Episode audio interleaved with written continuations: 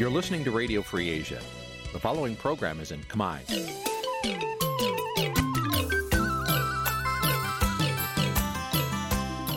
នេះជាកម្មវិធីផ្សាយ Vuthu Azizi Serai នេះជាកម្មវិធីផ្សាយរបស់ Vuthu Azizi Serai ជាភាសាខ្មែរ Vuthu Azizi Serai សូមស្វាគមន៍លោកអ្នកនាងទាំងអស់ពីរដ្ឋធានី Washington នៃសហរដ្ឋអាមេរិក។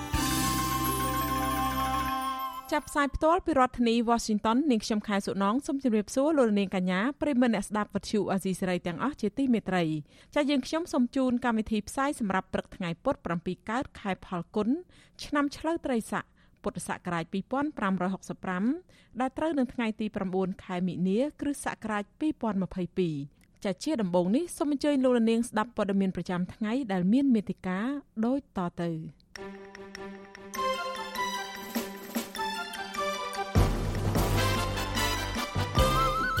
លោកហ៊ុនសែនហាមពលរដ្ឋខ្មែរមិនអោយស្ម័គ្រចិត្តទៅធ្វើកងទ័ពជួយអ៊ុយក្រែនវាយរុស្ស៊ី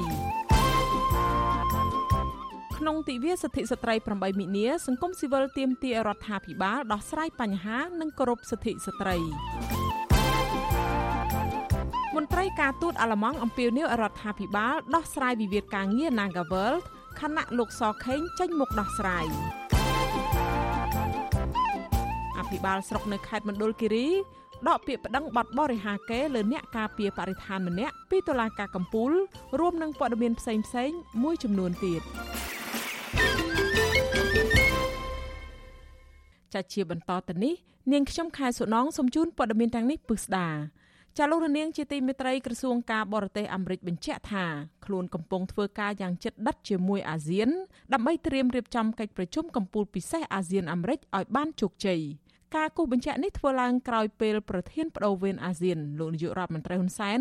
បានអះអាងថាប្រទេសសមាជិកអាស៊ានមួយចំនួននៅមិនទាន់ឯកភាពគ្នានៅឡើយចំពោះពេលវេលាដែលអាមេរិកក្រុងនឹងរៀបចំកិច្ចប្រជុំកំពូលពិសេសនេះនៅចុងខែមិនិនាចាប់ពីរដ្ឋធានី Washington លោកមានរិទ្ធរាយការណ៍ព័ត៌មាននេះកាលបរិច្ឆេទជាក់លាក់នៃការរៀបចំកិច្ចប្រជុំកំពូលពិសេសអាស៊ានអាមេរិកដែលគ្រោងធ្វើនៅថ្ងៃទី28និងថ្ងៃទី29ចុងខែមីនានេះ នៅមិនទាន់កែប្រែនៅឡើយទេអ្នកនាំពាក្យក្រសួងការបរទេសអាមេរិកបញ្ជាក់ប្រាប់វិសុយស៊ីស្រីតាមសារអេឡិចត្រូនិកកាលពីយប់ថ្ងៃទី7ខែមីនាថាសហរដ្ឋអាមេរិកកំពុងធ្វើការយ៉ាងជិតដិតជាមួយអាស៊ានដើម្បីត្រៀមរៀបចំកិច្ចប្រជុំកំពូលពិសេសអាស៊ានអាមេរិកនេះឲ្យបានជោគជ័យក្រសួងការបរទេសអាមេរិកថាប្រធានាធិបតីអាមេរិកទន្ទឹងរង់ចាំស្វាគមន៍ក្រុមមេដឹកនាំអាស៊ានមកកាន់រដ្ឋធានី Washington ដើម្បីចូលរួមកិច្ចប្រជុំពិសេសនេះ កាលពីថ្ងៃទី7ខែមីនាប្រធានបដូវវេនអាស៊ានលោកនាយរដ្ឋមន្ត្រីហ៊ុនសាន បានអះអាងថាមកទល់ពេលនេះនៅមិនទាន់មានការឯកភាពគ្នា ចំពោះពេលវេលានៃការរៀបចំកិច្ចប្រជុំកំពូលពិសេសអាស៊ានអាមេរិកនេះនៅឡើយទេដោយសារយ៉ាងហោចណាស់មានប្រទេសសមាជិកអាស៊ានចំនួន3ចង់ឲ្យដូរពេលវេលាឥឡូវមេដឹកនាំអាស៊ានជាច្រើនទៀមទាឲ្យមានការប្រជុំនៅថ្ងៃទី26និងទី27ហើយខាងសហរដ្ឋអាមេរិក ក៏បានប្រកាសបានបញ្ជាក់អានេះផ្នែកខាងរដ្ឋមន្ត្រីទេបញ្ជាក់ថាថ្ងៃទី26និងថ្ងៃទី27គឺសហរដ្ឋអាមេរិកមិនអាចទទួលពេលវេលានោះបានទេហើយមេដឹកនាំអាស៊ាន3យ៉ាងហោច3ថាมันអាចចូលរួមប្រជុំនៅថ្ងៃទី26 27បានទេអញ្ចឹងវានៅខុសគ្នាអញ្ចឹងខ្ញុំសូមស្នើឲ្យបម្រុងទុកបើមិនតាន់ត្រូវរើគ្នាអំពីពេលវេលាទេគឺមានតែលើកពេលទេ រវាងអាស៊ាននិងអាហ្វ្រិកនោះគឺមានតែលើកពេលលោកហ៊ុនសានមិនបានបង្ហាប់ឲ្យដឹងថាតើមេដឹកនាំនៃប្រទេសសមាជិកអាស៊ានទាំង3នោះជាប្រទេសណាខ្លះនោះទេដែលចង់ផ្លាស់ប្ដូរពេលវេលានៃកិច្ចប្រជុំកំពូលពិសេសនេះវិសុយស៊ីស្រីមិនអាចតាក់ទងណែនាំពាក្យក្រសួងការបរទេសកម្ពុជាលោកជុំសន្ទ្រីដើម្បីសុំការបញ្ជាក់បន្ថែមជំវិញប្រសាសន៍របស់លោកនាយរដ្ឋមន្ត្រីហ៊ុនសែននេះនៅឡើយទេក៏ត្រឹមល្ងាចថ្ងៃទី8ខែមីនា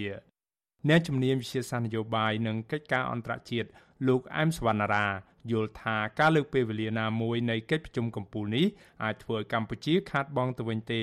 ដោយសារតែកម្ពុជាក៏ចង់ស្ដារមុខមាត់និងទំនាក់ទំនងជាមួយសហរដ្ឋអាមេរិកឡើងវិញដែរ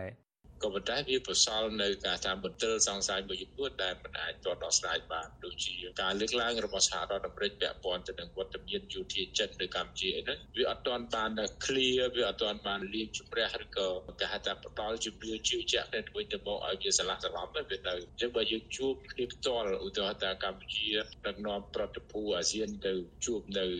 កិច្ចប្រជុំអាស៊ានជាមួយសហរដ្ឋអាមេរិកកិច្ចប្រជុំពិសេសហ្នឹងកម្ពុជាអាចមានឱកាសមានពេលវេលាជជែកក្រៅផ្លូវការក្រៅពីជំនួបប្រជុំអាស៊ានអាមេរិកនឹងឲ្យច្បាស់អំពីកម្ពុជាអាមេរិកថាវាអត់មានបញ្ហាអីដែលអាមេរិកនៅសង្ស័យរីឯអ្នកជំនាញច្បាប់និងវិជាសាស្ត្រនយោបាយអន្តរជាតិកញ្ញាសេងធារីដែលបច្ចុប្បន្នកំពុងទទួលរងនឹងការធ្វើទុកបុកម្នេញពីសំណាក់ប្រព័ន្ធតុលាការរបស់រដ្ឋាភិបាលលោកហ៊ុនសែនផងនោះយល់ថារដ្ឋាភិបាលរបស់លោកហ៊ុនសែន ចង់ឲ្យការរៀបចំកិច្ចប្រជុំកំពូលពិសេសជាមួយសហរដ្ឋអាមេរិកនេះប្រព្រឹត្តទៅយ៉ាងឆាប់រហ័សដើម្បីកេងចំណេញពីកិច្ចប្រជុំនេះការ និយាយថាមកពីប្រទេសផ្សេងទៀតគាត់ចង់បានពេលវេលាមួយទៀតអីអានឹងពិបាកយល់បន្តិចពីព្រោះពេលសហរដ្ឋអាមេរិកគេបានអញ្ជើញឲ្យចូលប្រជុំទីកន្លែងកម្ពុជាដោយសច្ចៈវិមានហើយទាំងអស់គ្នាមែនទែនគេរីករាយគេនឹងសម្រួលពេលវេលារបស់គេនៅក្នុងការចូលរួមលើថ្ងៃកំណត់នឹងប៉ុន្តែខ្ញុំដឹងថាមិនមែនចេញពីរបបផ្ដាច់ការនេះទេពីព្រោះខ្ញុំដឹងថាពួកគាត់ចង់បានឲ្យវារហ័សឲ្យមានរូបភាពនឹងអមទោះបីពេលវេលានឹងវាគៀកជាមួយថ្ងៃខួបរបស់ក្របបែកក្តីពីព្រោះប្រសិនបើគាត់បានចូលសិទ្ធិវិមានឲ្យជាក់ស្ដែងហើយរូបភាពនឹងអាចជួយលុបបំបាត់ក្នុងមួយកម្រិតធំអ្វីដែលកំពុងកើតឡើងនៅប្រទេសបារាំងប៉ះសិនបើគ្មានអ្វីប្រែប្រួលទេ កាលបរិច្ឆេទនៃការរៀបចំកិច្ចប្រជុំកំពូលពិសេសរវាងអាស៊ាននិងអាមេរិកនេះធ្វើឡើងនៅមួយថ្ងៃចំខួបលើកទី25នៃព្រឹត្តិការណ៍គប់គ្រាប់បែកមកលើក្រុមបាតកោដែលដឹកនាំដោយលោកសំរងស៊ីកាលពីថ្ងៃទី30ខែមីនាឆ្នាំ1997ព្រឹត្តិការណ៍នេះបានបណ្ដាលឲ្យមនុស្សចំនួន16នាក់ស្លាប់និងមនុស្សជាង150នាក់ទៀតរងរបួសធ្ងន់និងស្រាលមន្ត្រីសិទ្ធិមនុស្សអន្តរជាតិអះអាងថា ប្រធានបដូវវេនអាស៊ានគឺលោកនាយករដ្ឋមន្ត្រីហ៊ុនសែនកំពុងរងនឹងការចោទប្រកាន់ពីតុលាការបារាំងថាបានពាក់ព័ន្ធដោយប្រយោលករណីសម្លាប់មនុស្សទ្រង់ទ្រាយធំនៅក្នុងសំណុំរឿងបោកគ្រាប់បែកនេះគណៈតុលាការបារាំងចេញដីកាឲ្យចាប់ខ្លួនមន្ត្រីចំណិតរបស់លោកហ៊ុនសែនពីររូបគឺលោកហ៊ីងប៊ុនហៀងនិងលោកហ៊ុយពិសិដ្ឋខ្ញុំបាទមេរិត Visual C ស្រីរាយការណ៍ពីរដ្ឋធានី Washington ចាលោករនាងកញ្ញាជាទីមេត្រីចាលោករនាងកំពុងស្ដាប់ការផ្សាយរបស់វិទ្យុអាស៊ីសេរីមន្ត្រីជាន់ខ្ពស់គណៈបកប្រឆាំងរិះគន់លោកហ៊ុនសែនថាលោកកំពុងកាន់ជើងប្រទេសរុស្ស៊ីដោយហាមឃាត់ខ្មែរមិនឲ្យទៅជួយអ៊ុយក្រែនអតីតតំណាងរាជគណៈបកសង្គ្រោះជាតិនិងជាមន្ត្រីគ្រប់គ្រងកិច្ចការងារព្រំដែន លោកអ៊ុំសំអានសោកស្ដាយដែលលោកហ៊ុនសែនបន្តខ្លាចឥទ្ធិពលប្រទេសរុស្ស៊ីដែលកំពុងប្រើប្រាស់កងទ័ពរាប់ម៉ឺននាក់ទៅឈ្លានពានប្រទេសអ៊ុយក្រែនការរិះគន់នេះគឺដោយសារតែលោកនាយករដ្ឋមន្ត្រីហ៊ុនសែនកាលពីថ្ងៃទី7ខែមិនិនា បានប្រកាសហាមឃាត់ខ្មែរមិនឲ្យទៅជួយអ៊ុយក្រែនលោកហ៊ុនសែនយកលេសថាការហាមឃាត់នេះដើម្បីកុំឲ្យសង្គ្រាមរុស្ស៊ីនិងអ៊ុយក្រែនកាន់តែធ្លាក់ក្នុងសភាពធ្ងន់ធ្ងរជាងនេះទៅទៀត ខ្ញុំសូមអពាវនាវឲ្យប្រជាពលរដ្ឋរបស់យើងកុំឲ្យឈានហួសរហូតទៅដល់ស្ម័គ្រចិត្តសុំធ្វើទាហានទៅជួយអ៊ុយក្រែនដោយប្រទេសមួយចំនួនខ្ញុំមិនផ្ដល់ឱកាសឲ្យទៅទេខ្ញុំមិនអោយពលរដ្ឋកម្ពុជាទៅស្លាប់លើទឹកដីរបស់អ៊ុយក្រែនទេរដ្ឋធម្មនុញ្ញរបស់កម្ពុជាហាមឃាត់សង្គ្រាមរវាងរុស្ស៊ីនិងអ៊ុយក្រែនធ្វើឲ្យប្រធានាធិបតីអ៊ុយក្រែនលោក Volodymyr Zelensky អំពាវនាវឲ្យពលរដ្ឋប្រទេសផ្សេងស្ម័គ្រចិត្តទៅការពារនិងជួយវាយបកកងទ័ពឈ្លានពានរុស្ស៊ីនៅប្រទេសអ៊ុយក្រែនសប្តាហ៍ថ្ងៃនេះពលរដ្ឋពីប្រទេសអាមេរិកអង់គ្លេសថៃនិងប្រទេសមួយចំនួនទៀតបានស្ម័គ្រចិត្តទៅជួយប្រទេសអ៊ុយក្រែនជំវិញការស្ម័គ្រចិត្តពលរដ្ឋនៃប្រទេសផ្សេងទៅជួយអ៊ុយក្រែននេះលោកអ៊ុំសំអានមានប្រសាសន៍ថាកម្ពុជាគួរឲ្យពលរដ្ឋខ្មែរទៅជួយអ៊ុយក្រែនដើម្បីការពារប្រជាធិបតេយ្យនិងកុំឲ្យមានការឈ្លានពានទៅថ្ងៃអនាគតព្រោះប្រទេសមហាអំណាច មួយมันអាចមកឈ្លានពានប្រទេសដទៃទៀតរំលោភមកលើអធិបតេយ្យភាពរបស់ប្រទេសមួយទៀតអញ្ចឹងទេអញ្ចឹងវាអត់មានកាលណាមានការឈ្លានពានពីសំណាក់ប្រទេសរុស្ស៊ីអញ្ចឹងវាប្រទេសមហាអំណាចហ្នឹងធ្វើឲ្យស្រេចតែចិត្តណាយើងមិនចង់ឲ្យមានការឈ្លានពានអញ្ចឹងទេហើយរុស្ស៊ីឈ្លានពានអ៊ុយក្រែនកាលឆ្នាំ2014ហ្នឹងយកតំបន់គ្រីមៀហ៎ដែលជាទឹកដីរបស់អ៊ុយក្រែនអានេះថ្ងៃក្រោយវាអាចវៀតណាមមួយឈ្លានពានកម្ពុជា សង្គ្រាមរុស្ស៊ីនៅអ៊ុយក្រែនបានចាប់ផ្ដើមកាលពីថ្ងៃទី24ខែកុម្ភៈបណ្ដាលឲ្យពលរដ្ឋអ៊ុយក្រែនប្រមាណ2លាននាក់បានក្លាយទៅជាជនភៀសខ្លួន និងស្លាប់ជាច្រើននាក់ក្នុងចំនួនចម្បាំងរាំងជលនេះកងទ័ពប្រទេសទាំងពីររាប់ពាន់នាក់ក៏បានស្លាប់ផងដែរ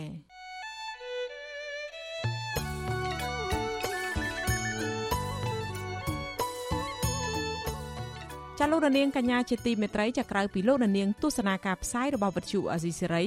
លើបណ្ដាញសង្គម Facebook និង YouTube ចាដំណើរគ្នានឹងការផ្សាយផ្ទាល់លោករនាងក៏អាចស្ដាប់វិទ្យុរលក ធាតុអាកាសខ្លីឬ Shortwave តាមកម្រិតនិងកម្ពស់ដូចតទៅនេះចាប់ពេលព្រឹកចាប់ពីម៉ោង5កន្លះដល់ម៉ោង6កន្លះតាមរយៈរលក ធាតុអាកាសខ្លី9390 kHz ស្មើនឹងកម្ពស់ 32m និង11850 kHz ស្មើនឹងកម្ពស់ 25m ពេលយប់ពីម៉ោង7កន្លះដល់ម៉ោង8កន្លះ តាមរយៈរលកធាតុអាកាសខ្លី15155 kHz ស្មើនឹងកម្ពស់ 20m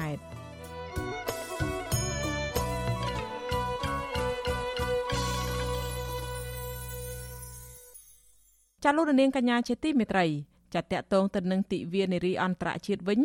អង្គការសង្គមស៊ីវិលសមាគមសហជីព បានរួមគ្នាប្រារព្ធទិវាសិទ្ធិស្ត្រីអន្តរជាតិ8មិនិនាថ្ងៃម្សិលមិញដែលជាខួបលើកទី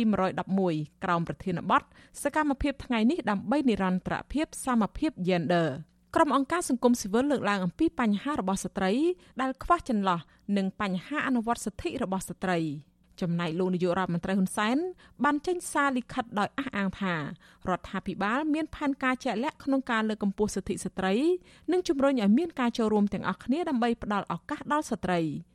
អង្គការសង្គមស៊ីវិលសមាគមសហជីព17ស្ថាប័នដែលរួមគ្នាប្រារព្ធទិវានារីអន្តរជាតិ8មិនិនាមានគោលបំណងសំខាន់ពីរគឺចូលរួមអបអរទិវានេះផង និងផ្ញើសារទៅសាធារណមតិជាតិនិងអន្តរជាតិហើយទាមទារទៅរដ្ឋាភិបាលដោះស្រាយទុកកង្វល់ពាក់ព័ន្ធទៅនឹងប្រព័ន្ធគាំពារសង្គមនិងភាពអយុត្តិធម៌សម្រាប់ស្ត្រីរួមទាំងប្រជាពលរដ្ឋទាំងអស់គ្នាពិធីនេះមានអ្នកចូលរួមជាង400នាក់នៅក្នុងទីតាំងរោងចក្រមួយកន្លែងនៅក្នុងរាជធានីភ្នំពេញ។ ប្រធានសមាគមប្រជាធិបតេយ្យឯករាជ្យនៃសេដ្ឋកិច្ចក្រៅប្រព័ន្ធលោកវ៉ុនពៅដែលចូលរួមពិធីនេះឲ្យវិទ្យុអាស៊ីសេរីដឹងថាអាញាធរមិនបានផ្ដល់ការគ្រប់គ្រងផ្នែកសង្គមដល់ស្ត្រីនៅក្នុងវិស័យសេដ្ឋកិច្ចក្រៅប្រព័ន្ធពិសេសអ្នកលក់ដូរតាមដងផ្លូវប្រមាណ2លាននាក់ក្នុងនោះមានស្ត្រី75%លោកបញ្ជាក់ថាបញ្ហាមួយទៀតគឺការរំលោភបំពានសិទ្ធិស្ត្រីក្នុងវិវាទការងារនៅក្រុមហ៊ុន Nagaworld រដ្ឋមិនទាន់យកចិត្តទុកដាក់ពីកិច្ចគាំពារសង្គមមិនទាន់បង្កលក្ខណៈងាយស្រួលឲ្យគាត់លក់ដូរសមរម្យដោយប្រទេសគេជិតខាងដោយថៃដូចអីគេមានបង្កលក្ខណៈដែរតែយើងមិនទាន់មានធ្វើរបៀបនឹងទៅឡើយចឹងសូមឲ្យរដ្ឋយើងគិតគូរចំណុចនឹងដែរហើយជាពិសេសក្នុងស្ថានភាព COVID-19 នេះឲ្យគិតអំពី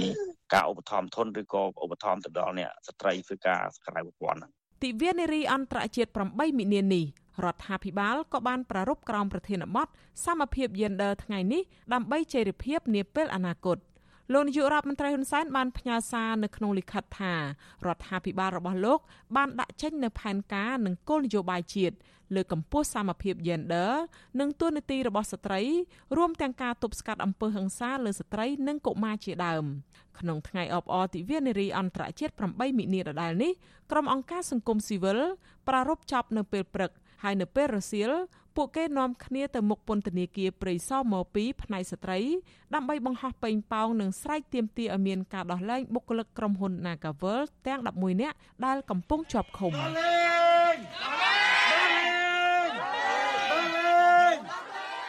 ប្រធានសហព័ន្ធសហជីពកម្មករចំណីអាហារនិងសេវាកម្មកម្ពុជា អ្នកស្រីឧទេផាលីនឲ្យដឹងថាក្នុងចំណោមបុគ្គលិកក្រុមហ៊ុន Nagaworld ដែលត្រូវក្រុមហ៊ុនបំពេញសិទ្ធិ ក្នុងពេលជាប់ពន្ធនាគារក្នុងនោះមានជាង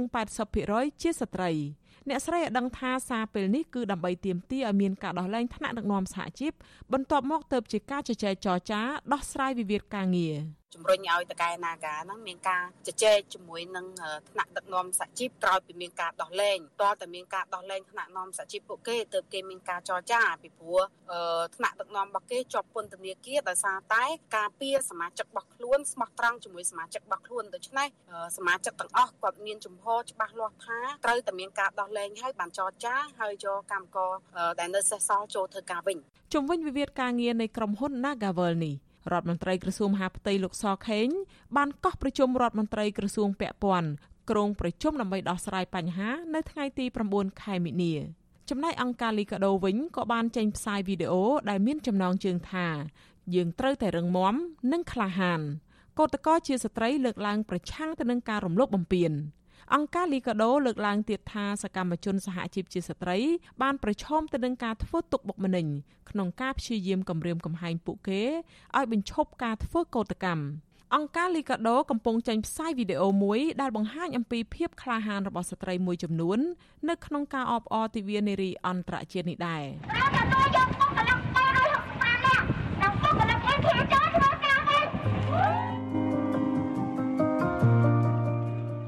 ស្រដៀងគ្នានេះសមាគមការពារសិទ្ធិមនុស្សអាត់ហុកក៏បានបញ្ចេញរបាយការណ៍ឆ្នាំ2020ឆ្នាំ2021ចំពេលនេះដែរសមាគមអាត់ហុកបានរកឃើញថាជារឿយៗស្ត្រីនៅតែទទួលរងគ្រោះពីការរំលោភសិទ្ធិតាមរូបភាពផ្សេងផ្សេងដូចជាអំពើរំលោភសេពសន្តិវៈអំពើហិង្សាក្នុងគ្រួសារនិងការជួញដូរមនុស្សការជួញដូរភេទនិងកម្លាំងពលកម្មជាដើម។ រយៈពេល2ឆ្នាំចុងក្រោយនេះសមាគមអាត60ទទួលបានពាក្យបណ្ដឹងចំនួន243ករណីដែលក្នុងចំណោមករណីទាំងនេះភាគច្រើនគឺកើតឡើងនៅក្នុងខេត្តបាត់ដំបងកំពតកំពង់ធំ និងខេត្តបន្ទាយមានជ័យការដែលគួរឲ្យព្រួយបារម្ភនោះជនប្រព្រឹត្តគឺជាសាច់ញាតិរស់នៅក្នុងផ្ទះជាមួយជនរងគ្រោះដែលមាន9%ជាឪពុកបង្កើត4%ជាជីតាបង្កើត និង12%ជាឪពុកចុងក្រៅពីនោះ គឺជាអ្នកជិតខាងសាច់ញាតិនិងមិត្តភ័ក្តិដោយគ្នានេះដែរចំពោះករណីហិង្សាក្នុងគ្រួសារវិញសមាគមអាត់ហុកក៏បានទទួលពាក្យបណ្ដឹងសុំអន្តរាគមចំនួន173ករណីហើយដែលក្នុងនោះបានរកឃើញថា58%ជនប្រព្រឹត្តគឺបុរសជាប្តីមូលហេតុចម្បងដែលបណ្ដាលឲ្យមានអំពើហិង្សាគឺដោយសារតែបុរសជាប្តីមិនយល់មិនឲ្យតម្លៃ និងមិនបានគិតថាស្ត្រីគឺជាភេទទុនខ្សោយបូករួមទាំងកត្តាជីវភាពក្រីក្រជាដើម ក្រៅពីនេះស្ត្រីក៏កំពុងរងគ្រោះនៅក្នុងការជួញដូរផងដែរសមាគមអាត60ក៏បានទទួលពាក្យបណ្ដឹងសរុបចំនួន115ករណីដែលក្នុងនោះការជួញដូរភេទមាន80ករណីនិងការជួញដូរកម្លាំងពលកម្មមាន35ករណីមូលហេតុចម្បងចម្បងនោះគឺបណ្ដាលមកពីបញ្ហាអត់ការងារធ្វើខ្វះខាតជីវភាពមិនមានដីធ្លីគ្រប់គ្រាន់ផលិតផលកសិកម្មលក់មិនសូវបានថ្លៃគ្មានទីផ្សារចម្ពាក់បំណុលហិង្សាក្នុងគ្រួសារ ទស្សនៈសង្គមភាពជឿនលឿននៃបច្ចេកវិទ្យាកត្តាមេខ្យល់មានល្បិចកលខ្ពស់មានបណ្ដាញជាពិសេសភាពធូររលុងនៅតាមតំបន់ព្រំដែនជាដើម។សមាគមអាត់ហុកជំរុញទៅភាគីពាក់ព័ន្ធជាពិសេសអាជ្ញាធរត្រូវតែពង្រឹងបន្ថែម ចំពោះកិច្ចគាំពៀដល់ស្ត្រីនិងកុមារឆ្លើយតបតម្រូវការរបស់ស្ត្រី ពង្រឹងការអនុវត្តច្បាប់ ជាពិសេសការស្ដែងចេញជាសកម្មភាព និងផែនការជាក់ស្ដែង ក្រៅពីនោះក៏នឹងត្រូវផ្ដល់ឱកាសឲ្យស្ត្រីបានចូលរួមអនុវត្តសិទ្ធិរបស់ខ្លួនឲ្យបានពេញលេញផងដែរ។ទន្ទឹមនឹងនេះស្ត្រីត្រូវពង្រឹងសមត្ថភាពចំណេះដឹងនិងជំនឿចិត្តលើខ្លួនឯងហើយចូលរួមយ៉ាងសកម្មក្នុងកិច្ចការងារនានាគ្រប់កម្រិតត្រូវតែហ៊ានលើកឡើងអំពីបញ្ហា និងតម្រូវការជាក់លាក់របស់ខ្លួន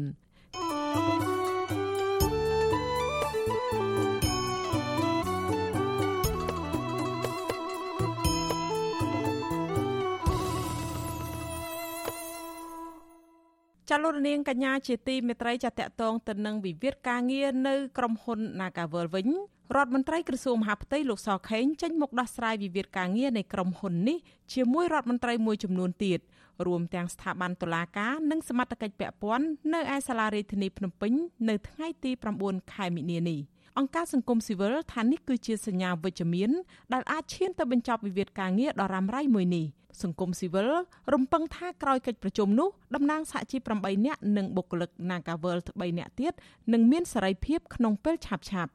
ចាលោកទីនសាការីយ៉ារាយការណ៍ព័ត៌មាននេះសកម្មភាពក្រុមកម្មករ Nagavel ដែលចេញតវ៉ារំលោភស្រាយការងារដោយសន្តិវិធីរយៈពេលជិត3ខែធ្វើឲ្យក្រសួងពាក់ព័ន្ធតុលាការនិងអាជ្ញាធររាជធានីភ្នំពេញ ជួបប្រជុំគ្នានៅថ្ងៃទី9មីនាស្អែកនេះដើម្បីស្វែងរកដំណោះស្រាយបញ្ចប់វិវាទការងារនៅក្រុមហ៊ុនបនលបែងកាស៊ីណូ Nagavel ដែលគ្មានដំណោះស្រាយជាង1ឆ្នាំមកហើយកិច្ចប្រជុំនោះនឹងធ្វើឡើងដោយមានសមាជិកចូលរួមពីរដ្ឋមន្ត្រីក្រសួងមហាផ្ទៃលោកសខេងរដ្ឋមន្ត្រីក្រសួងសុខាភិបាលលោកមុំមុនហេងរដ្ឋមន្ត្រីក្រសួងការងារលោកអ៊ិតសំហេងរដ្ឋមន្ត្រីក្រសួងយុទ្ធភ័ពលោកកើតរិទ្ធប្រធានសាលាដំបងរាជធានីភ្នំពេញលោកតាំងសុនឡាយអភិបាលរាជធានីភ្នំពេញលោកខួងស្រេងនិងអគ្គស្នងការនគរបាលជាតិលោកណេតសាវឿន វិទ្យុអសិរ័យមិនអាចតកតងអ្នកនាំពាក្យសាលារដ្ឋាភិបាលភ្នំពេញលោកមិនមានភក្តីដើម្បីសួរអំពីបញ្ហានេះបានទេនៅថ្ងៃទី8មីនាតកតងនៅរឿងនេះអ្នកគ្រប់គ្រងកម្មវិធីសិទ្ធិការងារនៃអង្គការសន្ត្រលលោកខុនថារ៉ូមានប្រសាសន៍ថាកិច្ចប្រជុំផ្ទៃក្នុងស្អែកនេះគឺជាបំណងរបស់ក្រុមអង្គការសង្គមស៊ីវិលដែលបានដាក់ញត្តិនៅតាមស្ថាប័នរដ្ឋមួយចំនួនចង់ឃើញរដ្ឋាភិបាលដោះស្រាយដោយបញ្ចប់វិវាទការងារនៅក្រុមហ៊ុន Nagavel ដ៏មានឥទ្ធិពលមួយនេះឲ្យបានឆាប់ប្រកបដោយតម្លាភាពយុត្តិធម៌ ហើយភាគីពាក់ព័ន្ធទាំងអស់អាចទទួលយកបានលោកបញ្ជាក់ថាដំណោះស្រាយសំខាន់ចំនួន2ដែលក្រុមកម្មការនយោជិត Nagavel ចង់បាននៅពេលនេះគឺការដោះលែងអ្នកកំពុងជាប់ឃុំទាំងអស់ដោយគ្មានលក្ខខណ្ឌហើយក្រុមហ៊ុន Nagavel ក៏ត្រូវទទួលយកបុគ្គលិកនៅសេសសល់ជាង300នាក់ធ្វើការវិញនិងគោរពសិទ្ធិការងារកម្មករនិងមានវត្តមានសហជីពនៅកន្លែងធ្វើការស្របតាមច្បាប់ការងារលោករំពឹងថាក្រោយកិច្ចប្រជុំនោះថ្នាក់ដឹកនាំសហជីពសកម្មជនសហជីពនិងបុគ្គលិក Nagavel ចំនួន11នាក់ ដែលកំពុងជាប់ឃុំក្នុងពន្ធនាគារនឹងមានសេរីភាពក្នុងពេលឆាប់ឆាប់ដើម្បីវិលចូលតុចរចាជាមួយភាគីក្រុមហ៊ុនដោយដោះស្រាយវិវាទនេះដោយភាពជឿជាក់គ្នាទៅវិញទៅមកនិងស្មើភាពគ្នាចំពោះមុខច្បាប់ខ្ញុំគិតថាវាគួរដល់ពេលនៅក្នុងការដោះស្រាយវិវាទការនេះការងារនេះបើសិនជាអាជ្ញាធររដ្ឋដើរតួនាទីនៅក្នុងការធានានៅផលប្រយោជន៍ភាគីទាំងសងខាងទាំងភាគីកម្មករនយោជិត ហើយនិងភាគីនយោជកហើយខ្ញុំជឿជាក់ថាមានតែការដោះស្រាយតាមរយៈសម្បទានគ្នាទៅវិញទៅមកជាលក្ខណៈកញ្ចប់ណាមួយដែលភាគីទាំងសងខាងអាចទទួលយកបានខ្ញុំគិតថាវានឹងអាចបិទបញ្ចប់នៅក្នុងវិវាទការងារនេះហើយដើម្បីឲ្យមាននៅការចរចាប្រកបដោយតម្លាភាព អាចជឿទុកចិត្តបានត្រូវតែមានការដោះលែងនៅតំណាងកម្មករនយោជិតដែលត្រូវបានជាប់ពន្ធនាគារឃុំខ្លួនបណ្ដោះអាសន្នហ្នឹងគាត់អាចមានឱកាសក្នុងការចូលរួមនៅក្នុងដំណើរការដើម្បីឈានទៅដល់នៃការស្វែងរកដំណោះស្រាយមួយហ្នឹងកាលពីថ្ងៃច័ន្ទទី7មីនាអាជ្ញាធររាជធានីភ្នំពេញបានប្រាហឹង្សាចាប់បង្ខំរុញច្រានក្រុមបុគ្គលិក Nagavel ជិត200នាក់ចូលក្នុងរថយន្តក្រុងដឹកយកទៅដាក់នៅកន្លែងធ្វើចតាឡេសាក្នុងខណ្ឌព្រែកភ្នៅឡើងវិញ។ ខណៈពួកគេចេញធ្វើសកម្មភាពសាជាថ្មីដោយសន្តិវិធីដើម្បីទាមទាររំដោះស្រាយការងារពីក្រុមហ៊ុន Casino Nagavel ក្រុមកម្មករ Nagavel បានចាប់ផ្ដើមកោតកម្មអហិង្សាកាលពីថ្ងៃទី18ខែធ្នូឆ្នាំ2021មកទាមទារឲ្យក្រុមហ៊ុនទទួលយកកម្មករជាង300នាក់ចូលធ្វើការវិញប៉ុន្តែមកទល់ពេលនេះមានថ្នាក់ដឹកនាំនិងសមាជិកសហជីពចំនួន11នាក់ហើយដែលចូលរួមតវ៉ានោះកំពុងជាប់ឃុំនៅពន្ធនាគារព្រៃសរដោយតុលាការចាប់ប្រកាន់ពីបទញុះញង់ បង្កឲ្យមានភាពវឹកវរធ្ងន់ធ្ងរដល់សន្តិសុខសង្គមដែលចាប់ប្រកាន់ថាបានធ្វើសកម្មភាពកោតកម្មក្បែរក្រុមហ៊ុននិងបំពេញវិធានការទប់ស្កាត់ការឆ្លងរាលដាលជំងឺ Covid-19 ចំណែកកោតក្រពីរអ្នកផ្សេងទៀតត្រូវបានតុលាការដាក់ឲ្យស្ថិតនៅក្រោមការឃ្លាំមើលពាក់ព័ន្ធនឹងការចាប់ប្រកាន់ថាបានរារាំងកោតក្រទាំងអស់មិនឲ្យធ្វើសំណាក់រោគជំងឺ Covid-19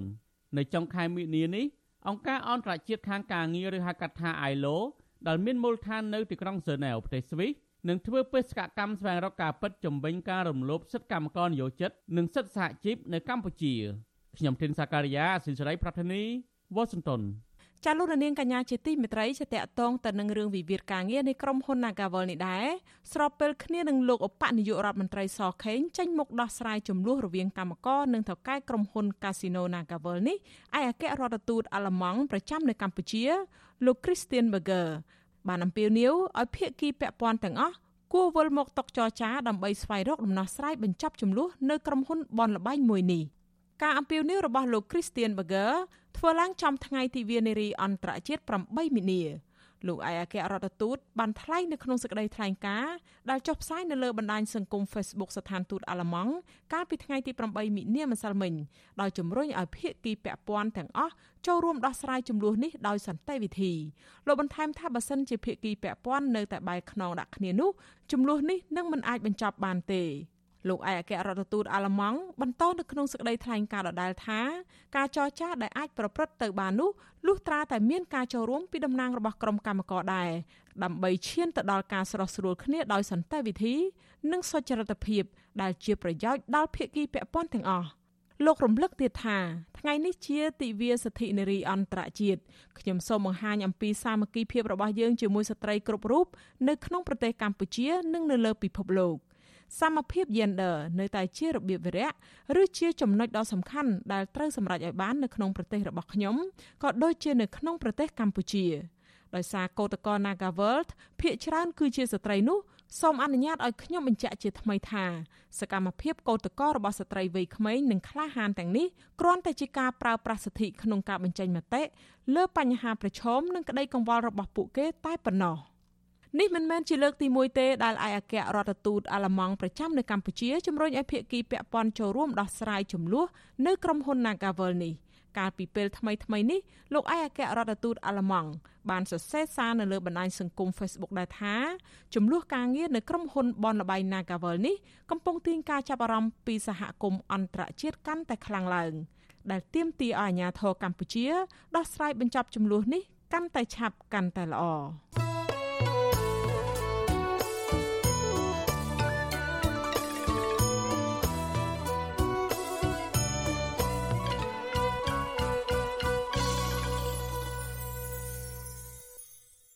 ចាលោកនាងកញ្ញាជាទីមេត្រីលោកនាងកំពុងស្ដាប់ការផ្សាយរបស់វិទ្យុអាស៊ីសេរីផ្សាយចេញពីរដ្ឋធានី Washington នៃសហរដ្ឋអាមេរិកអ្នកជំនាញច្បាប់ថាអ្នកនាំពាក្យក្រសួងយុតិធធលោកចិនម៉ាលីនដើរផុតបន្ទាត់ក្រហមនិងបំពេញគោលការណ៍ច្បាប់និងក្រមសីលធម៌ពាក់ព័ន្ធទៅនឹងសំណុំរឿងប្រធានគណៈបកសង្គ្រោះជាតិលោកកំសុខាដោយសារតែមន្ត្រីសាធារណៈនិងដែលមិនមែនជាភាគីនៅក្នុងរឿងក្តីរូបនេះបកស្រាយអង្គហេតុលំអៀងដាក់បន្ទុកទៅលើលោកកំសុខា ចាលោកនាងនឹងបានស្ដាប់សេចក្តីរាយការណ៍នេះពុស្ដានៅពេលបន្តិចទៀតនេះ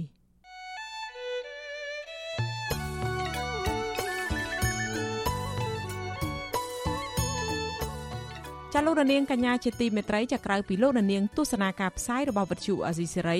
លើបណ្ដាញសង្គម Facebook និង YouTube ចាដំណើរគ្នានឹងការផ្សាយផ្ទាល់លោកនាងក៏អាចស្ដាប់វិទ្យុរលកធាតុអាកាសខ្លីឬ Shortwave តាមកម្រិតនិងកម្ពស់ដូចតទៅនេះ ចាប់ពេលព្រឹកចាប់ពីម៉ោង5កន្លះដល់ម៉ោង6កន្លះតាមរយៈរលក ធាតុអាកាសខ្លី9390 kHz ស្មើនឹងកម្ពស់ 32m និង11850 kHz ស្មើនឹងកម្ពស់ 25m ពេលយប់ពីម៉ោង7កន្លះដល់ម៉ោង8កន្លះតាមរយៈរលកធាតុអាកាសខ្លី15155 kHz ស្មើនឹងកម្ពស់ 20m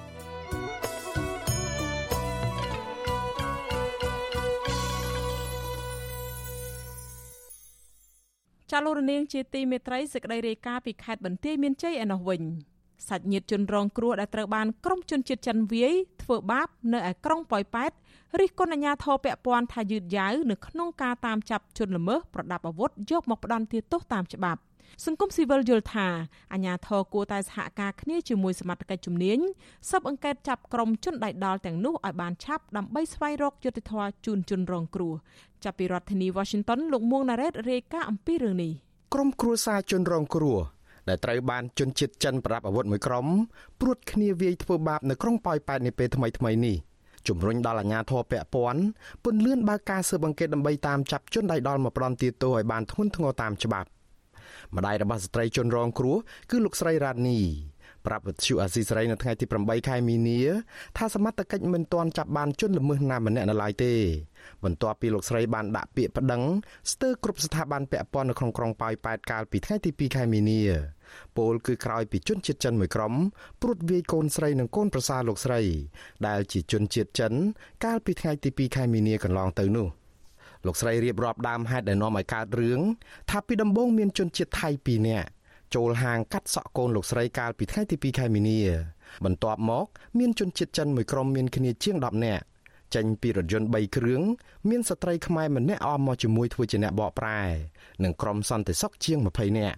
នៅក្នុងបំណងវាយជនជាតិថៃទាំងពីរនាក់នោះពេលនោះកូនស្រីលោកស្រីបានប្រាប់ក្រុមជនល្មើសទាំងនោះថានាងមិនបានស្គាល់ជនជាតិថៃទាំងនោះនោះទេ ក៏ប៉ុន្តែពួកគេមិនស្ដាប់ក៏ព្រួតគ្នាវាយកូនលោកស្រីឲ្យរបួសធ្ងន់និងបំផ្លាញទ្រព្យសម្បត្តិសម្ភារៈនៅក្នុងផ្ទះមួយចំនួនទៀតផង។ អឺពេលខ្ញុំទៅតន់ហ្នឹងវាអូសកូនខ្ញុំញាត់ក្នុងឡានណាតែមិនញាត់មិនទាន់បានហ្នឹងខ្ញុំទៅចុងក្រោយលើខ្នល់ហ្នឹងណាអាហ្នឹងឃើញមានកំភ្លើងពីដើមញ័រឲ្យដាច់ខោមកមានស្រីខ្មែរយើងហ្នឹងបកប្រែឲ្យវាហើយទៅមានអាប្រុសថៃហ្នឹងប្រហែល2នាក់ហ្នឹងបកប្រែមិនមកទៅវាយយកវាយយកប្រែហ្នឹងអត់ដឹងរឿងហើយខ្ញុំពួកកូនខ្ញុំស្គាល់គ្នាតែអត់ដែលស្គាល់សោះអត់ដែលល្មងហ្នឹងដាច់ឆក់ផងត្រង់ឆក់ផងឆាប់ផងអាញ័រផងហើយកូនខ្ញុំមីស្រីហ្នឹងត្រូវត្រូវគ្រប់កន្លែងទាំងអស់នេះលោកស្រីរ៉ានីបន្តថាក្រុមជនល្មើសទាំងនោះមានកំភ្លើងខ្លីដំបងឆក់ញញួរនិងបំពង់ដែកបានព្រួតគ្នាវាយធ្វើបាបកូនស្រីលោកស្រីឈ្មោះធីតាទាំងកំរោលនិងកូនប្រសាឈ្មោះហ្វាងស៊ីបណ្ដាលឲ្យបាក់ធ្គាមនិងរបួសក្បាលយ៉ាងដំណំ កូនសាហ្នឹងធ្ងន់ជាងគេវាបាក់ទៀមហើយវាត្រូវក្បាលអីចង់ថងអាលាហ្នឹងហើយនឹងអាញួរហើយអាចៅខ្ញុំហ្នឹងពេលទៅជួយជាមួយខ្ញុំចុងក្រោយហ្នឹងឆក់អាហ្នឹងខ្ញុំថតទុកដែរវាត្រូវជើងត្រូវខ្លួនវាឆក់ចិនហ្នឹងអាចិនតងោលហ្នឹងឆក់ចៅខ្ញុំឡើងឆក់ឡើងអុកគូតអុកគូតហ្នឹងហើយហើយចេះតែនាំគ្នារត់ទៅអោបអោបកូនស្រីខ្ញុំហ្នឹងណាកុំឲ្យគេធ្វើបាបហ្នឹងតើតងទៅនឹងបញ្ហានេះស្នងការរងនគរបាលខេត្តបន្ទាយមានជ័យ ទទួលបន្ទុកជនអន្តោប្រវេសន៍លោកអេងលីហួរបានប្រាប់វិទ្យុអាស៊ីសេរីថាមកដល់ពេលនេះសមត្ថកិច្ចនៅមិនទាន់ចាប់បានជនល្មើសណាម្នាក់នៅឡើយទេ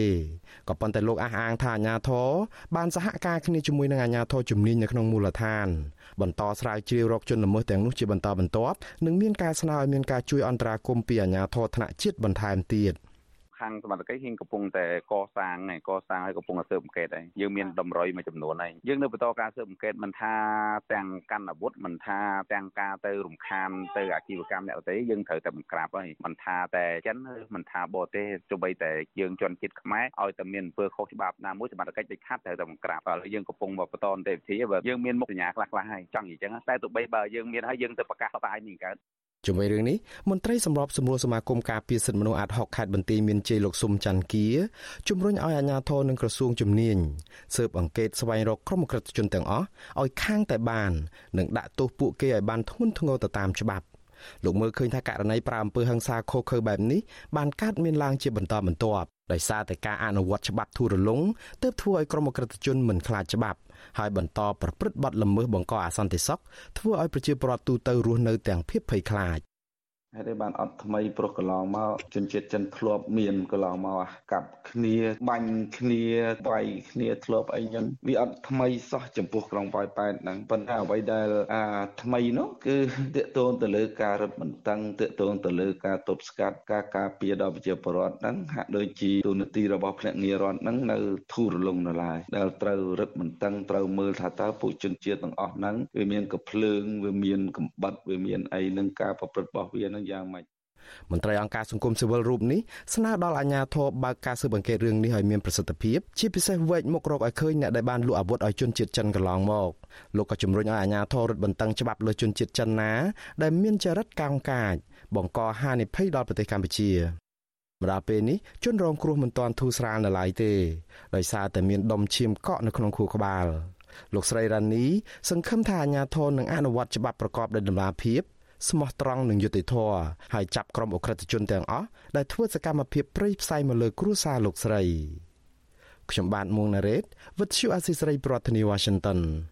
ចាលោកនាងកញ្ញាជាទីមេត្រីសេចក្តីរាយការណ៍ពីខេត្តមណ្ឌលគិរីឯនោះវិញអភិបាលស្រុកម្នាក់នៅក្នុងខេត្តនេះបានដកពាក្យប្តឹងពីតុលាការកំពូលក្នុងសំណុំរឿងប្រមទ័នពីបទបរិហាកេជាសាធារណៈ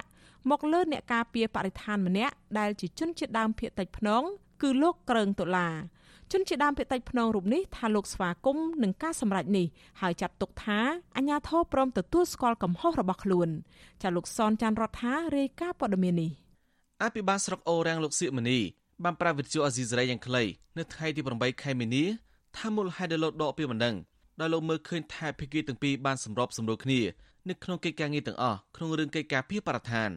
តែទោះបីជាយ៉ាងណាលោកមិនឆ្លើយសម្រួលផ្សេងទៀតតាមទូរស័ព្ទទេ ដែលលោកប្រាប់ថាបើចង់ឲ្យលោកបកស្រាយលម្អិតត្រូវចូលជួបលោកផ្ទាល់យើងបានសម្រុះសម្រួលគ្នារួចរាល់មានថាយើងយល់ពីកិច្ចការងារទាំងអស់គាត់ក៏យល់ពីការងារខ្ញុំខ្ញុំក៏យល់ពីការងារគាត់កាលពីដើមខែមីនាកន្លងទៅមេធាវីការពីក្តីឲ្យអភិបាលស្រុករំនេះលោកសានសុភាបានសរសេរលិខិតផ្ញើទៅប្រធានតុលាការកំពូលបង្ហាញកម្មវត្ថុស្នើដកពីម្ដង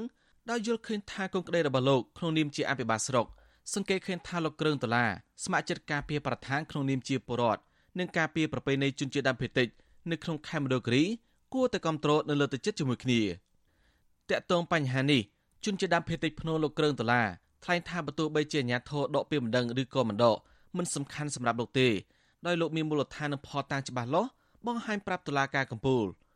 លោកសម្រេចថាលោកមិនប្តឹងអភិបាលស្រុករូបនេះពីបទបង្កាច់គេទៅតុលាការទេ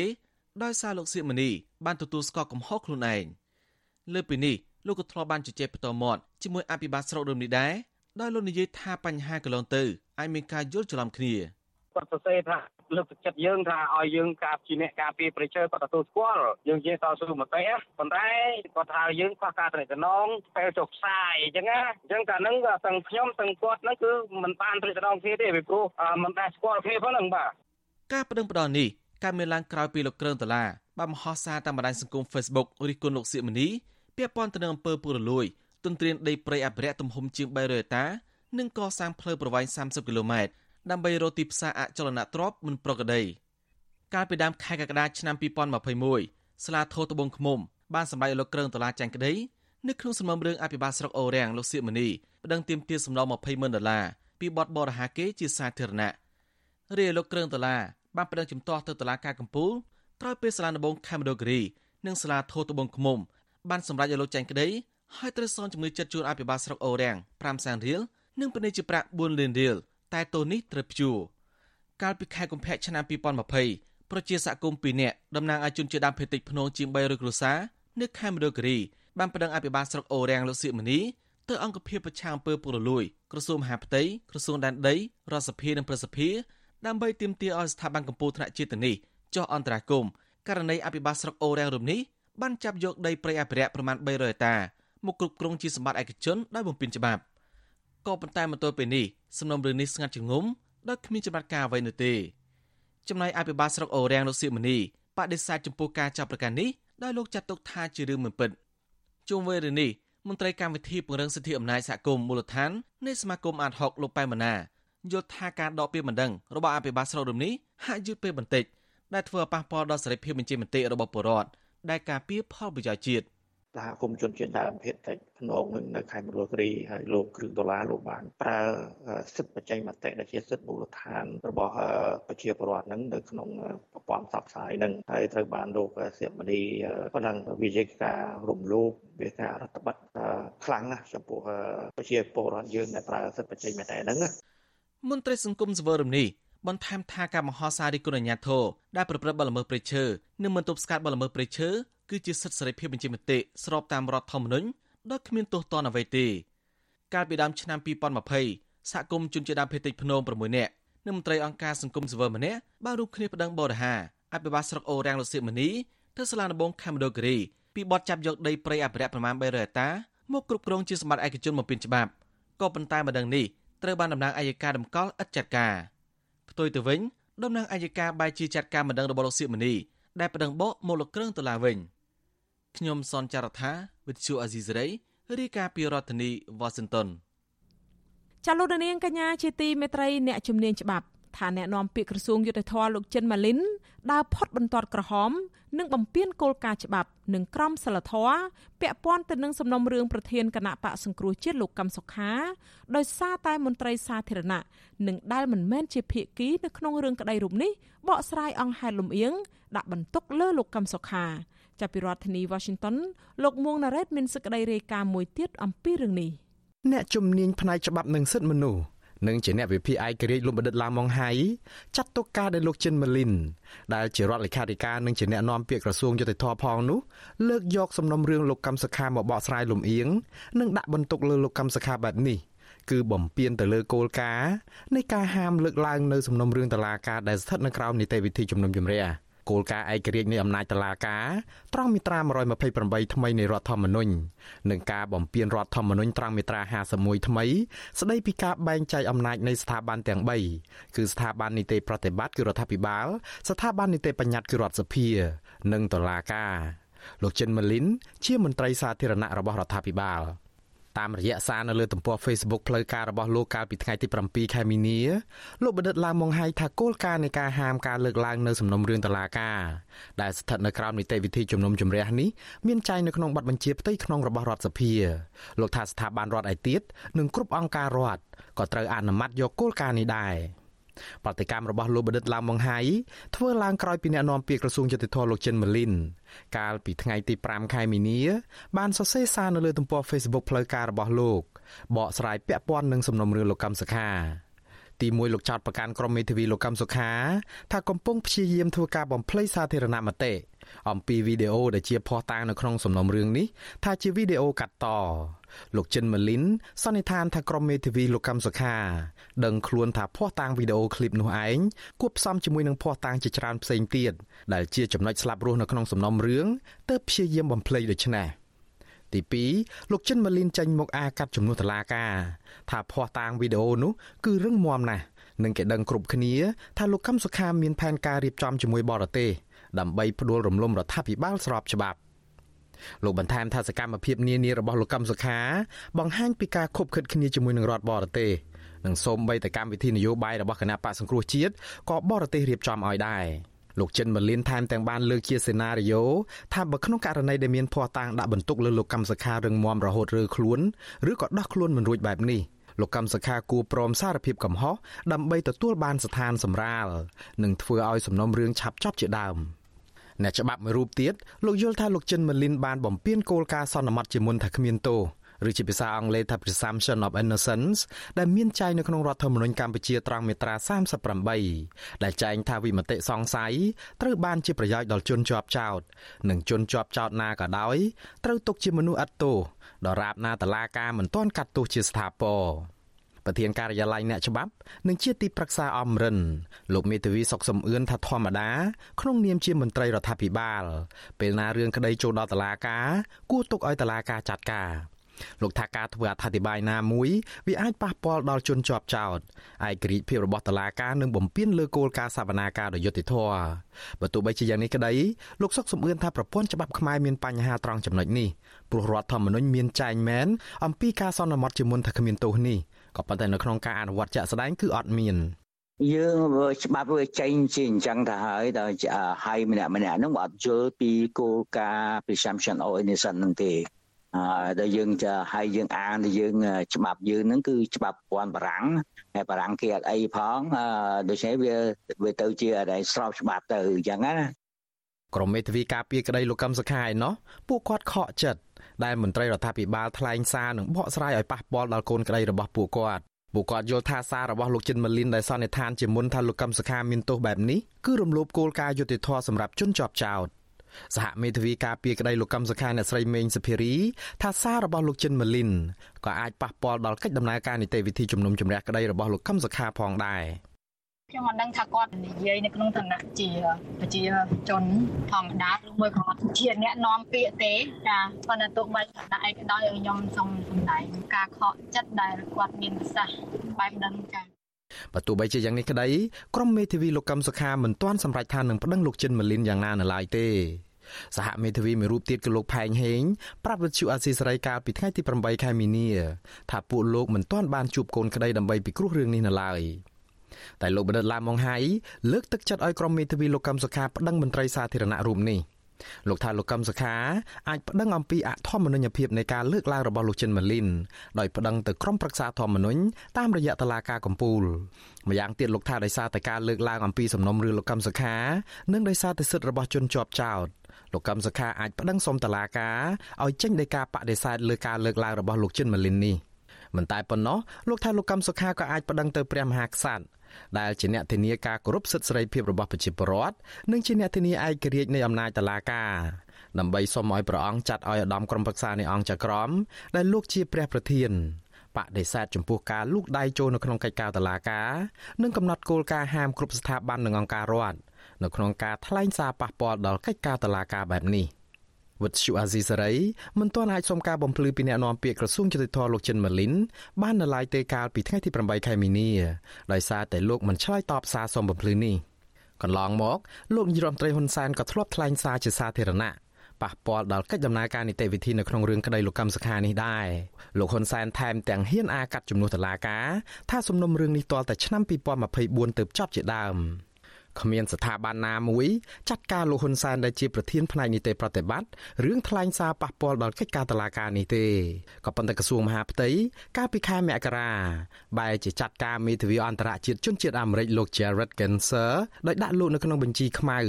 ហាមចូលប្រទេសកម្ពុជាអស់មួយជីវិតដោយសារតែលោកថ្លែងសារកត់សម្គាល់អំពីដំណើរមិនប្រក្រតីនៃដំណើរការក្តីរបស់កញ្ញាសេងធីរីនាពេលកន្លងមកប៉ុន្តែប៉ុណ្ណោះកាលពីចុងឆ្នាំ2021 ក្រុមមេធាវីរបស់រដ្ឋាភិបាលលោកហ៊ុនសែនក៏ធ្លាប់បានចេញសារព្រមាននឹងគម្រាមមេធាវីអន្តរជាតិរូបនេះដោយយោងមាត្រា522នៃក្រមព្រហ្មទណ្ឌកម្ពុជាគឺបទផ្សព្វផ្សាយនៅការអត្ថាធិប្បាយដើម្បីធ្វើសម្ពាធលើយតាធិការឬក៏ដែនសមត្ថកិច្ចរបស់តុលាការកម្ពុជាក្រុមមេធាវីរដ្ឋាភិបាលលោកហ៊ុនសែនចោទលោក Jared Genser ថាបំពានច្បាប់កម្ពុជាកម្ពុជា បន្តជាប់លេខបាតតារាងថាជាប្រទេសគ្មាននីតិរដ្ឋ កាលពីឆ្នាំ2021កម្ពុជាជាប់លេខជិតចុងពូជគេ គឺ138លើ139ប្រទេសក្នុងរបាយការណ៍របស់អង្គការគម្រោងយុតិធធពិភពលោកខ្ញុំបាទមុងណារ៉េត With you Azizi ប្រធានាទី Washington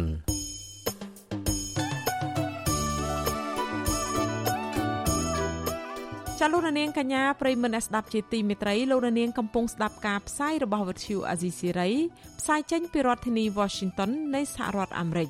នៅក្នុងឱកាសនេះដែរនាងខ្ញុំសូមថ្លែងអំណរគុណដល់លោកនាងកញ្ញាទាំងអស់ដែលតែងតែមានភក្ដីភាពចំពោះការផ្សាយរបស់យើងហើយចាត់ទុកការស្ដាប់វិទ្យុអាស៊ីសេរីគឺជាផ្នែកមួយនៃសកម្មភាពប្រចាំថ្ងៃរបស់លោកនាងការគ្រប់គ្រងរបស់លោកនាងនេះហើយដែលធ្វើឲ្យយើងខ្ញុំមានទឹកចិត្តកាន់តែខ្លាំងថែមទៀត ក្នុងការស្វែងរកនិងផ្តល់ព័ត៌មានជូនលោកអ្នកនាង មានអ្នកស្ដាប់អ្នកទស្សនាកាន់តែច្រើនកាន់តែធ្វើឲ្យយើងខ្ញុំមានភាពស្វាហាប់មោះមុតជាបន្តទៀតចាយើងខ្ញុំសូមអរគុណទុកជាមុនហើយសូមអញ្ជើញលោកអ្នកនាងកញ្ញាចូលរួមជំរុញឲ្យសកម្មភាពផ្តល់ព័ត៌មានរបស់យើងកាន់តែជោគជ័យបន្ថែមទៀត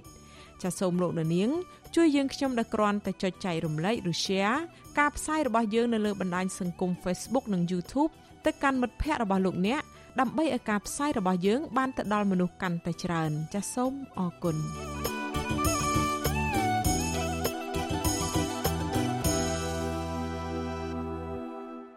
ចាលោកនាងកញ្ញាជាទីមេត្រីពលរដ្ឋខ្មែរកាន់តែមានចំនួនច្រើនឡើងហើយដែលត្រូវបានផ្ដន្ទាទោសដាក់ពន្ធនាគារពីបទចោទញុះញង់ក្រោយក្រមប្រមទ័នបានចូលជាធរមាននាចុងឆ្នាំ2010 ក្រុមអ្នកជំនាញច្បាប់និងសិទ្ធិមនុស្សសង្កេតឃើញថាអាញាធរនិងតុលាការកំពុងប្រើប្រាស់បទបញ្ញត្តិញុះញង់ធ្វើជាឧបករណ៍ដើម្បីបំបត្តិសេរីភាពបញ្ចេញមតិស្របច្បាប់របស់ពលរដ្ឋខ្លួនឯង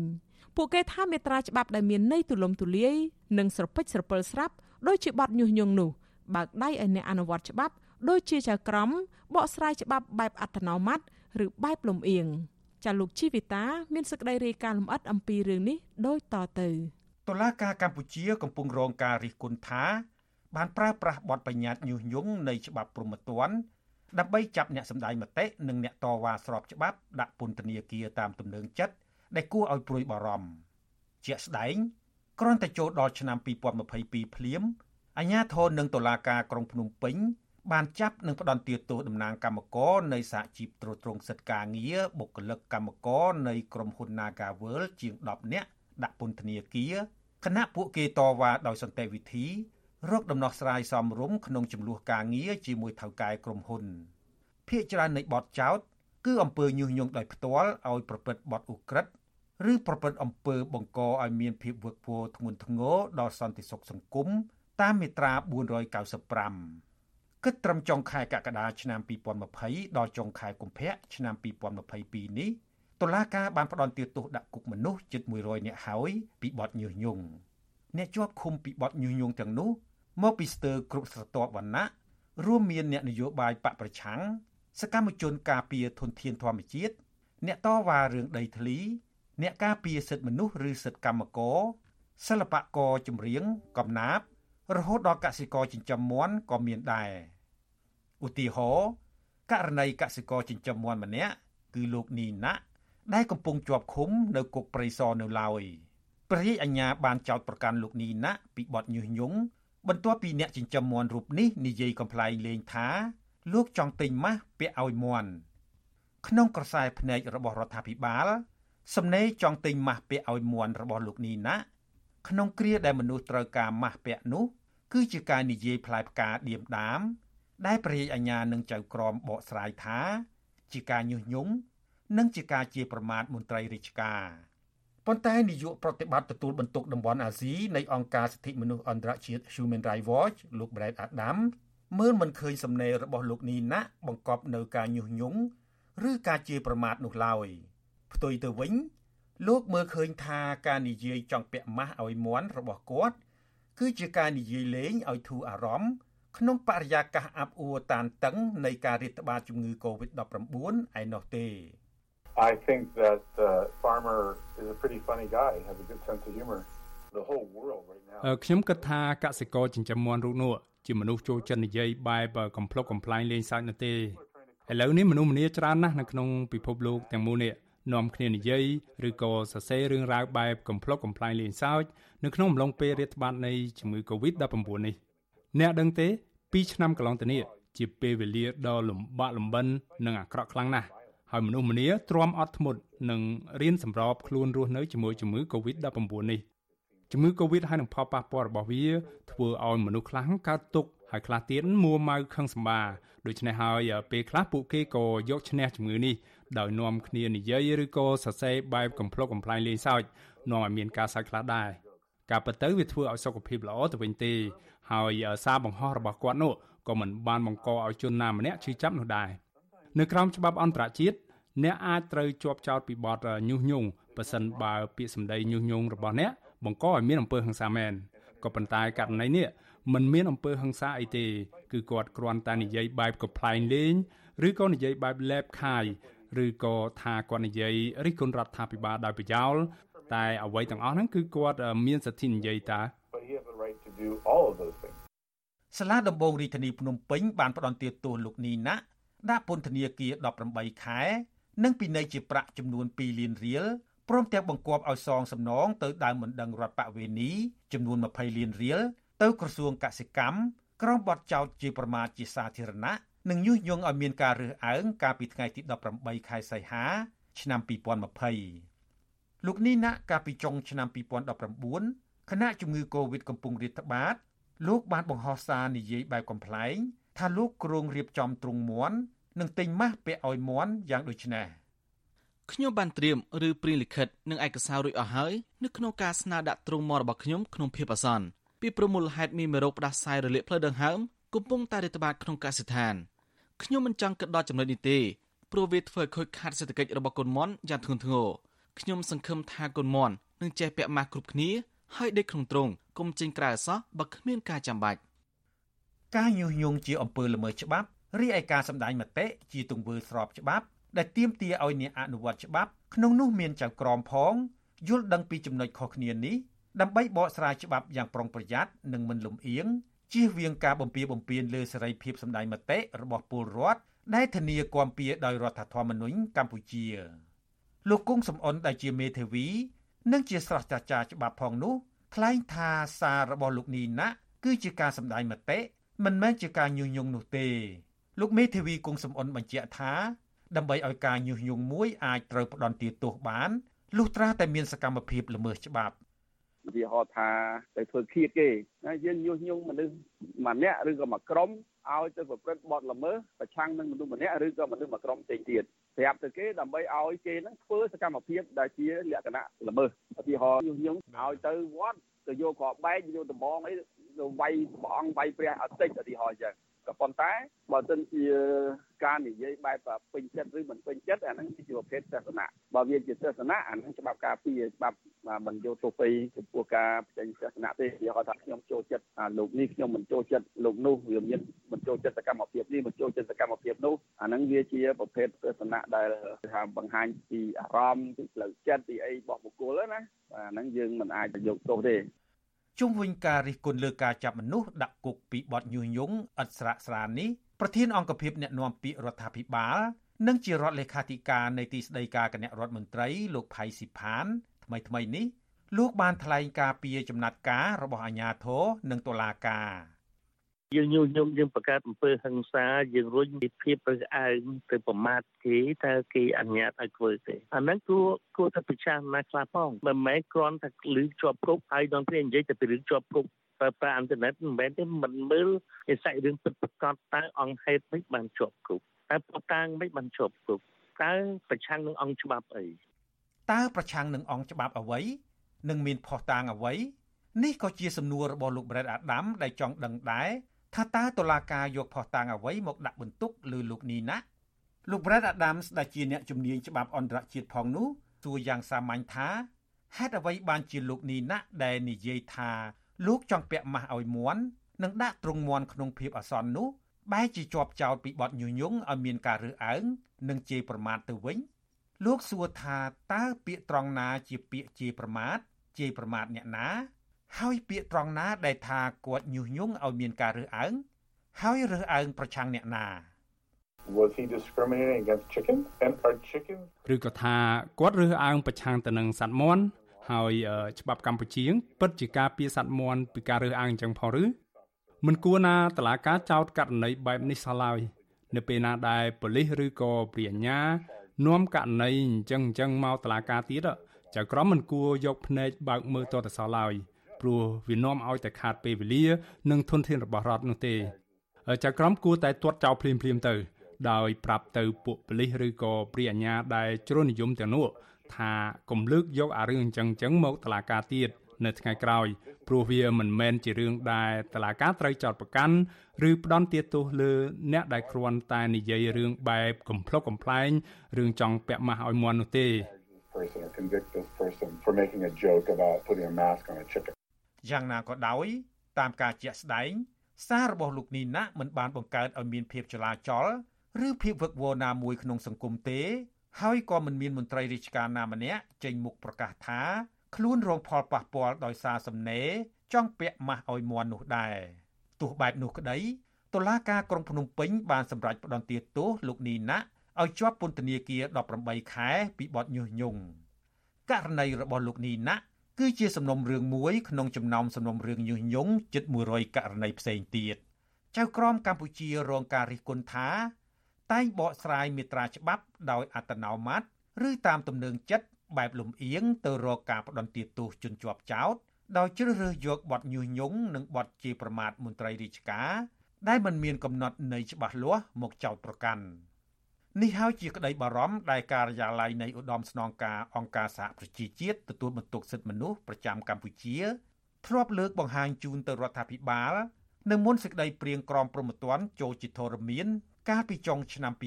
2010ការិយាល័យឧត្តមស្នងការសិទ្ធិមនុស្សនៅពេលនោះលើកឡើងថាតុលាការកម្ពុជាមួយចំនួនប្រើមិនត្រឹមត្រូវនៅបទបញ្ញត្តិស្ដីពីបទញុះញង់ ដើម្បីរដ្ឋបတ်សកម្មភាពតស៊ូមតិតាមផ្លូវច្បាប់មួយចំនួន ហើយការិយាល័យឧត្តមស្នងការសិទ្ធិមនុស្សនេះបានលើកជាអនុសាសន៍យ៉ាងដូចនេះការចោទប្រកាន់ពីបទញុះញង់មិនត្រូវធ្វើក្នុងគោលបំណងបំបិតសម្លេងរិះគន់រាប់ទាំងសម្លេងដែលលើកឡើងអំពីបញ្ហានយោបាយដែលរសើបឬជំរងចម្រាស់ផង។ ការចោទប្រកាន់ពីបទញុះញង់គួរត្រូវធ្វើឡើង កាលបើគេអាចបង្ហាញឲ្យឃើញពីចំណងពាក់ព័ន្ធច្បាស់លាស់ដោយផ្ទាល់ទៅនឹងបទល្មើសជាក់លាក់ណាមួយឬទៅនឹងហានិភ័យជាក់ស្ដែងនិងពិតប្រាកដណាមួយដែលនឹងបង្កឲ្យខូចខាតដល់សន្តិភាពសាធារណៈចំណងពាក់ព័ន្ធច្បាស់លាស់ដែលចាំបាច់រវាងបទញុះញង់និងបទល្មើសព្រហ្មទណ្ឌដែលអះអាងថាជាការញុះញង់គួរត្រូវបញ្ជាក់ឲ្យបានច្បាស់លាស់ក្នុងក្រមនេះដើម្បីជៀសវាងការបកស្រាយតាមទំនឹងចិត្ត និងការប្រើមិនត្រឹមត្រូវនៃបទបញ្ញត្តិនេះលោក Brad Adams ពន្យល់ពីនិយមន័យនៃការញុះញង់ថាការញុះញង់គឺជាការអំពាវនាវឬលួងលោមឲ្យមនុស្សម្នាក់ឬច្រើនអ្នកធ្វើអ្វីមួយមិនស្របច្បាប់ដូចជាប្រព្រឹត្តអំពើហិង្សាវាយប្រហារទៅលើមនុស្សឬទ្រព្យសម្បត្តិរបស់អ្នកដទៃជាដើមប៉ុន្តែលោកថាការអំពាវនាវឲ្យមនុស្សម្នាទៅចូលរួមការតវ៉ាឬសម្ដែងមតិលើរឿងអ្វីមួយដោយសន្តិវិធី មិនមែនជាការញុះញង់នោះទេ តែជាសិទ្ធិស្របច្បាប់ទោះជាយ៉ាងណាក៏ដោយចុះក្រមព្រហ្មទណ្ឌកម្ពុជាក៏ហាមចៅក្រមបកស្រាយច្បាប់ដោយអត្តនោម័តឬបកស្រាយតាមអារម្មណ៍តែត្រូវបកស្រាយដោយមិនលំអៀងដោយម៉ត់ចត់ និងផ្អែកលើភស្តុតាងមាត្រា5នៃក្រមព្រហ្មទណ្ឌកម្ពុជាចែងថា ក្នុងរឿងព្រហ្មទណ្ឌច្បាប់ត្រូវបកស្រាយយ៉ាងតឹងរឹងចៅក្រមមិនអាចពង្រីកវិសាលភាពអនុវត្ត ឬប្រព្រឹត្តតាមសតិសភាពបានឡើយខ្ញុំជីវិតាអាស៊ីសេរី